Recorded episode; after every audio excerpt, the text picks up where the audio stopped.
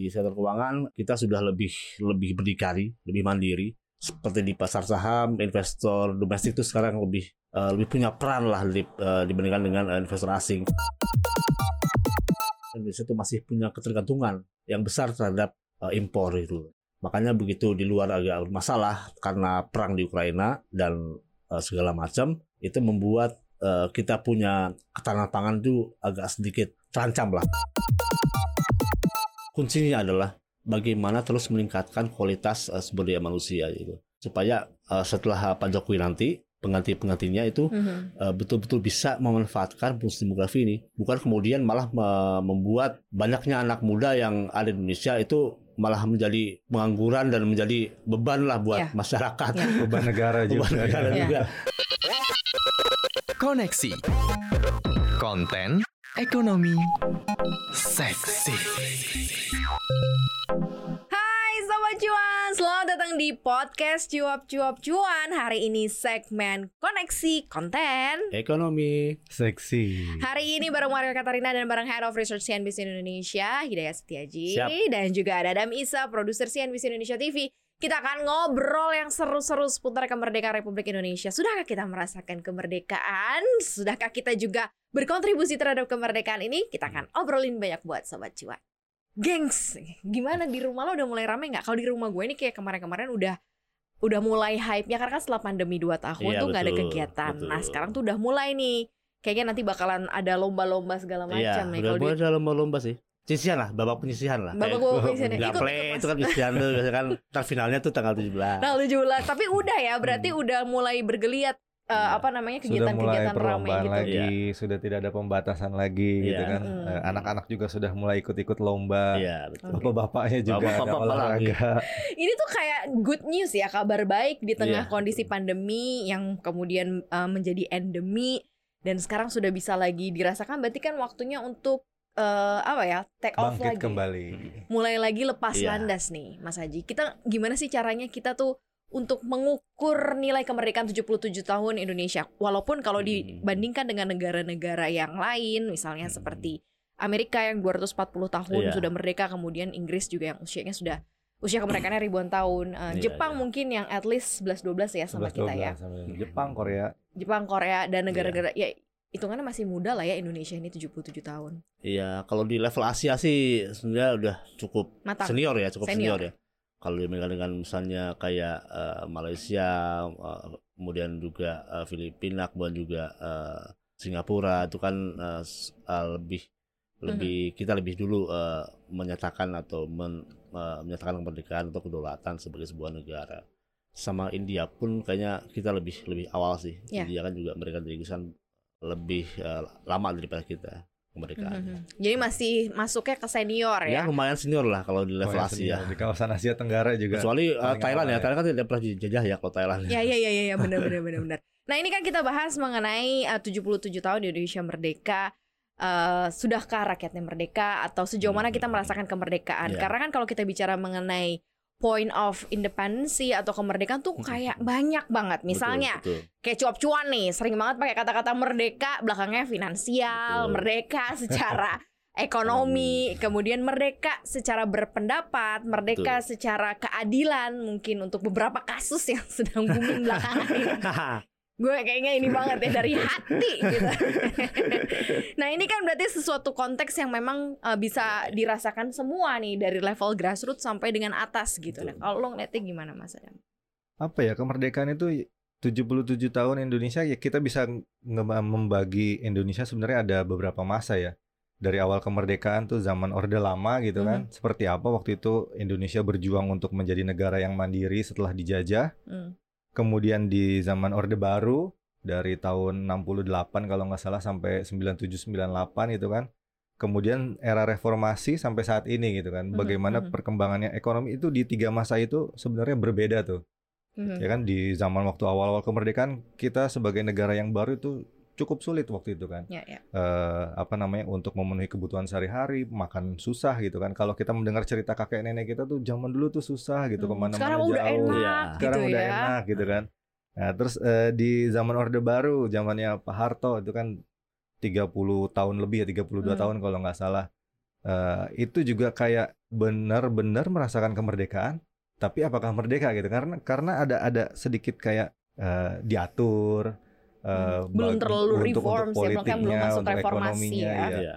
Memang namanya apa kabinetnya pembangunan. Memang hmm, ada pembangunan di sana Uh, tapi harga-harga murah waktu itu. Mm-hmm. Uh, tapi ternyata ada sisi negatifnya mm-hmm. juga waktu itu yang seperti mm-hmm. kita tahu akhirnya rezimnya berakhir, kemudian rezimnya reformasi sekarang semua uh, bebas berpendapat, kemudian apa namanya untuk melakukan usaha lebih mudah gitu kan. Mm-hmm. Walaupun yeah. mungkin masih ada kekurangan-kekurangan, tapi uh, makin ke sini ya sebenarnya makin makin maju sih sebenarnya Indonesia tuh mm-hmm. bisa bersaing dengan negara-negara ya tetangga dengan negara-negara lainnya gitu tidak kalah juga sebenarnya malah kadang-kadang di beberapa poin malah kebablasan gitu ya iya. berpendapat media sosial makanya Betul, harus media diatur sosial, ya. karena jadi kok kayaknya bablas gitu ya nah mm-hmm. sebenarnya kalau kita merujuk kepada rapot ekonomi deh ya yeah. kita kecilin aja dari mulai pertumbuhan ekonomi, kemudian yeah. bagaimana Indonesia ini memeratakan uh, ekonomi, misalnya hmm. dari tingkat angka kemiskinan.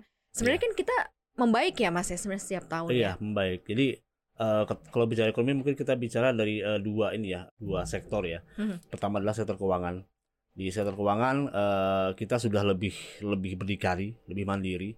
Seperti di pasar modal tuh di pasar saham, investor domestik tuh sekarang lebih uh, lebih punya peran lah di, uh, dibandingkan dengan uh, investor asing. Mm-hmm. Investor asing sudah, sudah sudah punya semacam apa ya? Semacam uh, fondasi loh, fondasi untuk uh, menjadi tuan rumah sendiri sendiri. Mm-hmm. Kemudian juga di pasar obligasi juga uh, kepemilikan asing juga semakin uh, berkurang dan uh, kepemilikan domestik semakin uh, meningkat itu juga yeah. menandakan bahwa kita uh, berada di uh, jalan yang tepat, jalur yang uh, tepat untuk menciptakan sebuah kemerdekaan di pasar keuangan. Hmm. Nah, tapi kemudian ada sektor yang kedua itu sektor real ini masih uh, menjadi uh, eh, PR lah buat kita semua. Tadi betul kata Maria bahwa uh, tingkat kemiskinan dan pengangguran itu uh, sudah turun drastis. Hmm. Tapi karena kemarin pandemi dua tahun agak naik lagi, ya, itu kan ya, blip ya. ya, istilahnya blip. Uh, tapi sekarang sudah bisa turun lagi.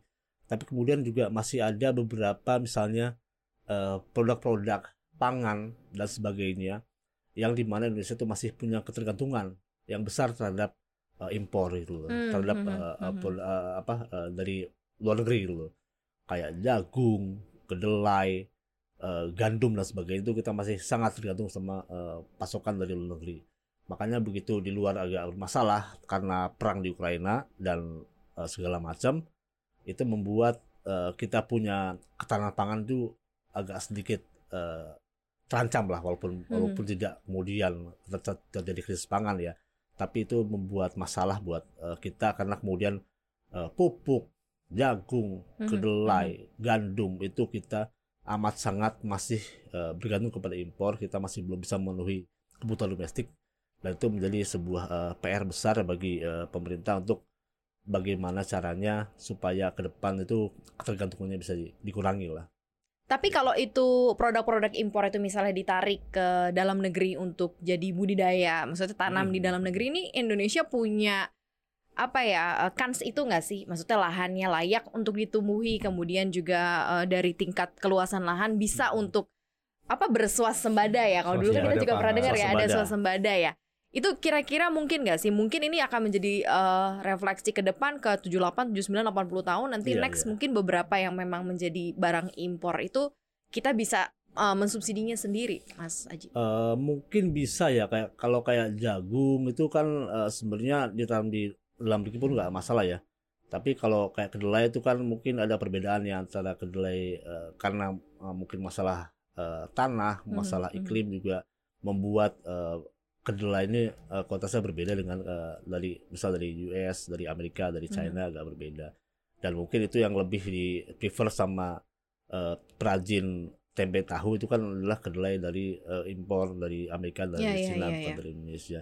Nah, semoga jagung sendiri pun juga jag lebih banyak untuk pakan ternak sebenarnya ya. Betul, betul, betul. Bukan betul. untuk pakan manusia malah Iya, ya. betul. Uh, karena uh, sebagian besar kayak jagung itu uh, untuk pakan ternak sih, bukan untuk uh, untuk konsumsi manusia sehari-hari. Hmm, PR pangannya banyak berarti. PR pangannya banyak. Ya, Dan masalahnya satu lagi sebenarnya uh, apa luasan lahan panen kita tuh semakin tahun semakin menyusut ya. Iya iya iya uh, benar luasan benar. panen benar, menyusut benar. Uh, walaupun Pak Jokowi bilang bahwa Indonesia sudah tiga tahun tidak impor beras.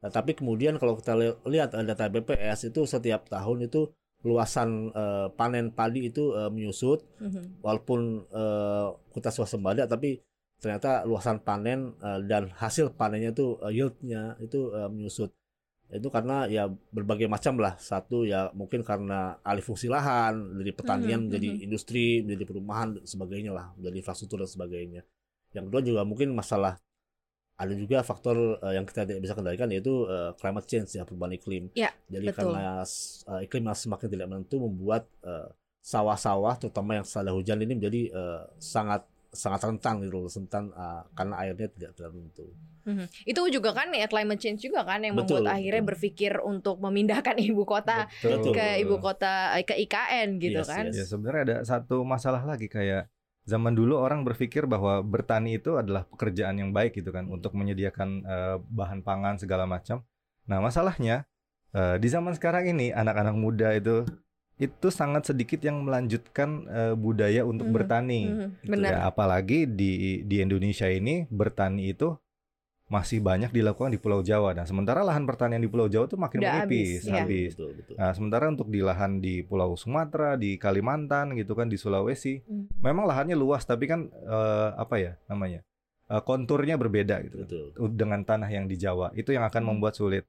Uh, yang kedua budaya, masalah budayanya. Apakah mereka masih mau bertani? Kemudian apakah kesejahteraan petani itu terjamin di zaman hmm. sekarang gitu? Makanya orang lebih berpikir ketika selesai sekolah uh, walaupun orang tuanya petani, dia pasti akan berpikir untuk mencari pekerjaan ke kota atau minimal ke pabrik-pabrik yang ada di pabrik pengolahan yang ada di desanya atau di kampungnya di, di tempat-tempatnya mereka seperti itu. Mm -hmm. Tapi untuk melanjutkan menjadi petani kayaknya uh, harus berpikir berapa kali gitu. Mungkin itu tugas orang tua ah, orang tua yang sekarang iya. juga nih untuk ngasih tahu ke anak-anaknya ada profesi petani loh ya kan coba kayak misal lo iya. ngomong gak ke anak lo lo bisa jadi petani eh, bukan cuma jadi dokter atau Betul. cuma bukan jadi insinyur tapi lo bisa jadi petani kan gitu. bisa sekarang bisa digabungkan dengan teknologi sebenarnya ya, iya, iya, nah iya, masalahnya kesejahteraan petani ini seperti apa di Indonesia saat hmm, ini gitu hmm, kita ngomongnya mau bersuasembada pangan terus ada Badan Pangan Nasional ada ID Food segala macam kemudian Presiden Jokowi sudah me, apa namanya mencanangkan untuk menanam sorghum apa segala macam yeah. sampai yeah, yeah. Uh, nanti untuk krisis pangan kita harus punya ini ini ini gitu kan. Nah, tapi masalahnya siapa yang melakukan itu gitu kan? Yeah. Apakah ada orang-orangnya yang benar-benar bersedia menjadi profesi petani kemudian membuat Indonesia bisa swasembada pangan lagi gitu kan. Hmm. Tapi mungkin untuk beberapa komoditas seperti kayak gandum itu apa sama kedelai memang di Indonesia tidak bisa karena faktor uh, cuaca iya, iklimnya betul, beda gitu kan. Kalau gandum kan harus di subtropis gitu kan. Mm-hmm. Walaupun kita bisa nanam mungkin di tempat yang lebih dingin tapi akan beda hasilnya betul, gitu. Betul, betul. Iya itu dia makanya. Beda. Ini kemerdekaan Indonesia uh, mungkin sudah 77 tahun tapi ternyata ada PR-nya justru di pangan di mana Indonesia negara agraris kan betul. kan sebenarnya kan. Uh, tadi uh, menarik tadi ada bilang bahwa uh, memang kalau jadi petani itu akan sejahtera atau enggak sih. Nah ini menarik karena uh, kalau kita lihat dari uh, data BPS ya, saat harga beras itu hmm. naik, kita konsumen bayar lebih nih.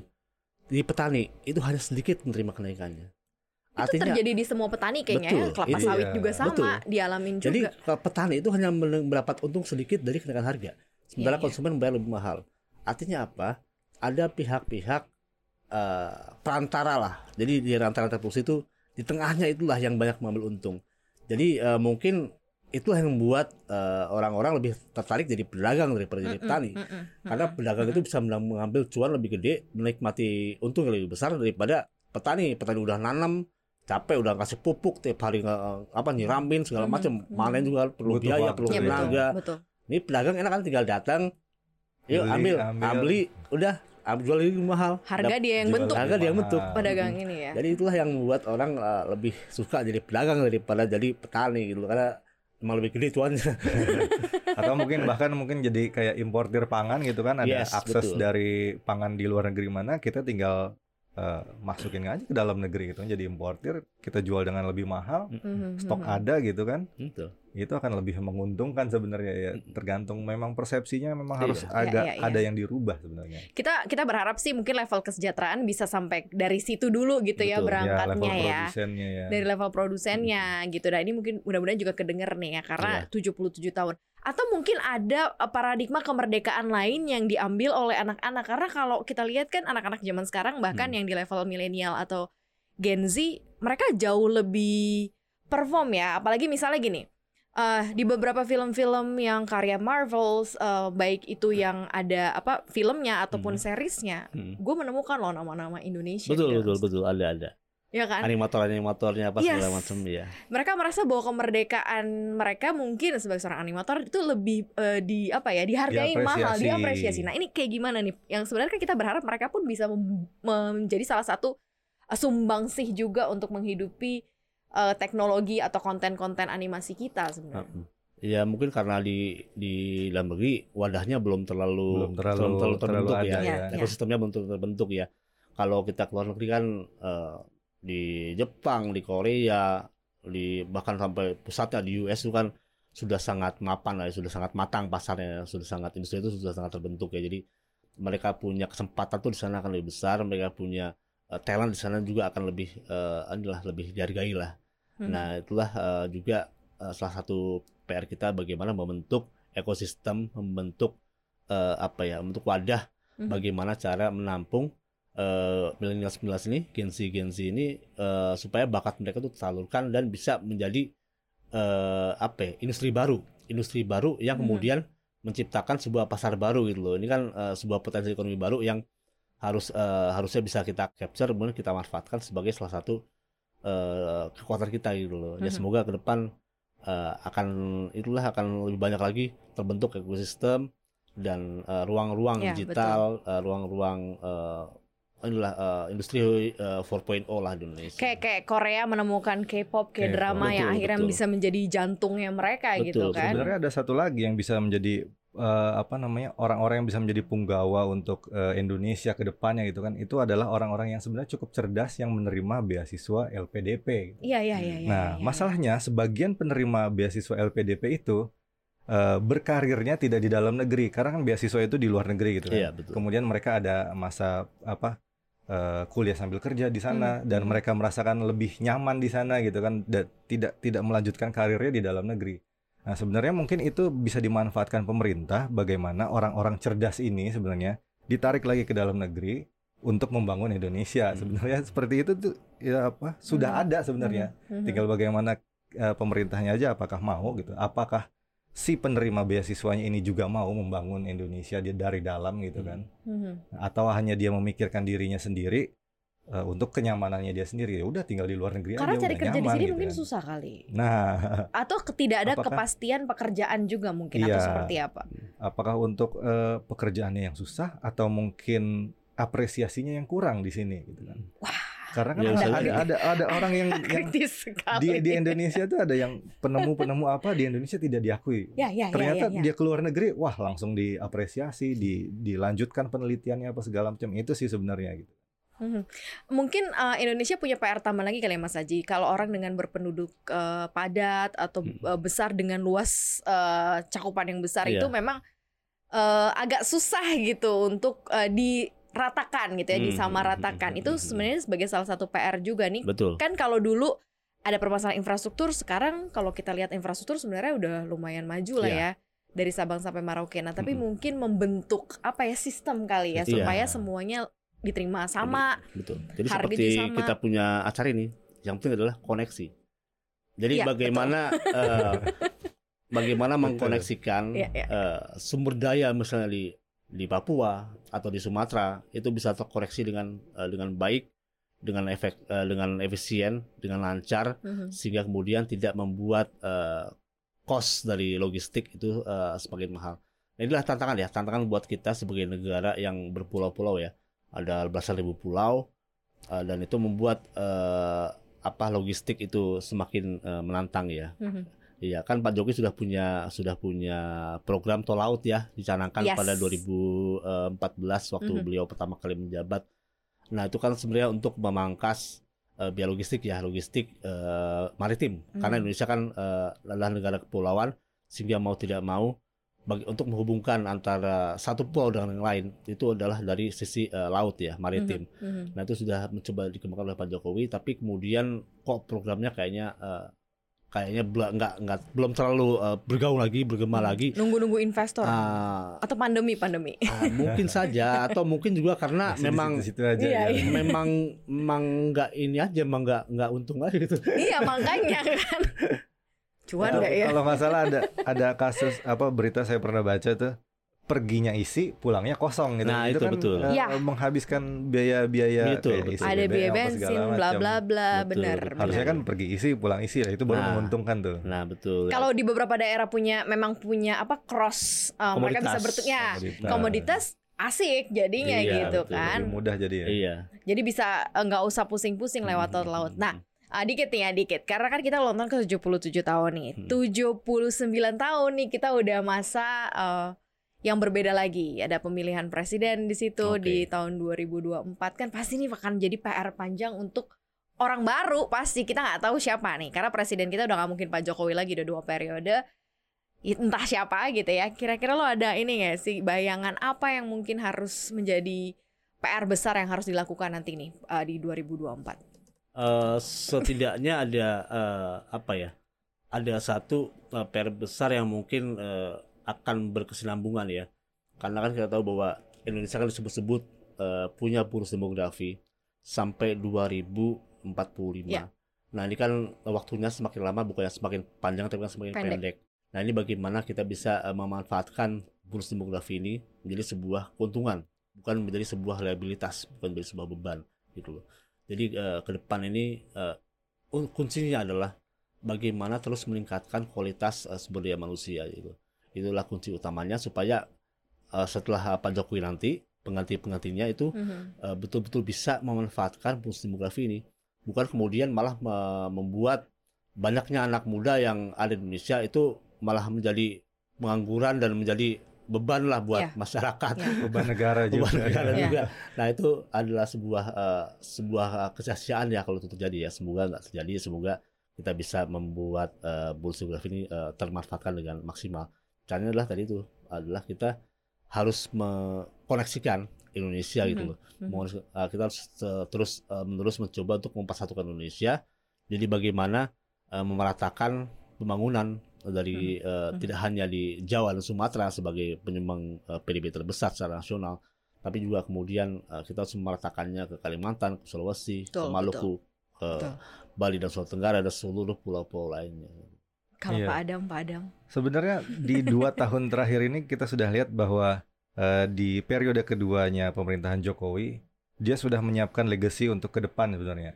Satu yang paling kelihatan paling besar ya IKN itu kan, hmm. ada investasi hmm. gitu. Itu nggak hmm. mungkin dilanjutkan oleh pemerintahan Jokowi, pasti akan dilanjutkan oleh pemerintahan berikutnya. Sel selanjutnya, ya. Kemudian uh, banyak investasi-investasi yang masuk gitu kan. Itu kan tidak hanya se akan selesai di 2024 gitu kan. Betul. Itu akan tetap tetap berkesinambungan di tahun-tahun berikutnya. Mm-hmm. Itu juga untuk bisa jadi modal untuk pemimpin berikutnya akan seperti apa gitu kan. Mm-hmm. Asal nanti tidak hanya terbentur sama politik-politik kepentingan uh, politik kepentingan dan politik kelompok saja gitu kan. Mm-hmm. Kita ada, uh, sudah disiapkan nih PR-nya IKN, investasi, mm-hmm. uh, uh, infrastruktur banyak juga yeah, tuh. Yeah, yeah. Nah itu sih yang sebenarnya kita lihat sebenarnya bisa nggak sih Indonesia maju? Yeah. Bisa hmm. sebenarnya asal benar-benar uh, kita mau memanfaatkan yang sudah ada kan betul. banyak yang sudah melirik Amerika, Jepang, betul, betul, China betul, gitu kan betul. bahkan negara-negara Arab sudah berinvestasi ya. di Indonesia itu sih yang harus kita jaga ke depan gitu dan sebenarnya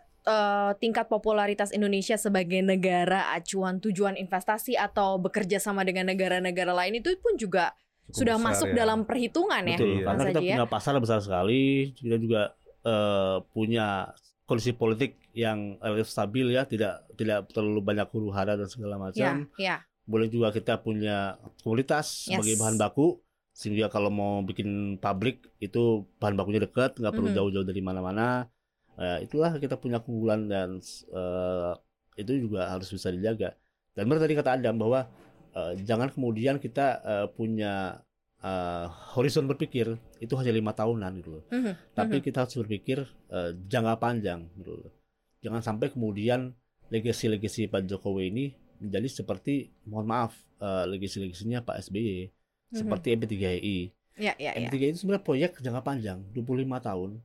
Uh, tapi kemudian uh, setelah uh, Pak SBY-nya sudah tidak uh, di istana lagi, mm-hmm. Itu kemudian di di scrap gitu saja di ditinggalkan begitu saja itu sebenarnya agak sayang sekali ya karena yeah. itu konsepnya sudah begitu matang sudah ada peraturan perundang-undangannya sudah ada dasar hukumnya segala macam sudah ada step-stepnya sampai mm -hmm. 25 tahun mm -hmm. kemudian itu uh, terbengkalai begitu saja dan semoga ke depan uh, akan lebih inilah sustain lah berkesinambungan sih. Kita berharapnya gitu sih ya. Jangan berpikir lima tahunan lah ininya uh, perspektifnya. Gitu. Jadi jangan seperti sprint ya, tapi ini tuh maraton. Estafet. Estafet ya. Jadi siapa pun sebenarnya yang akan jadi pemimpin di 2024 ya ambil tongkat estafetnya Estafet, gitu ya dan memberikan uh, terobosan-terobosan lain gitu di Kalau eranya. Ada yang kurang bisa diperbaiki. Benar. Jangan gitu. ditinggalin gitu, aja. Benar ya kalau udah gak suka tinggalin kayak tinggalin mantan ya.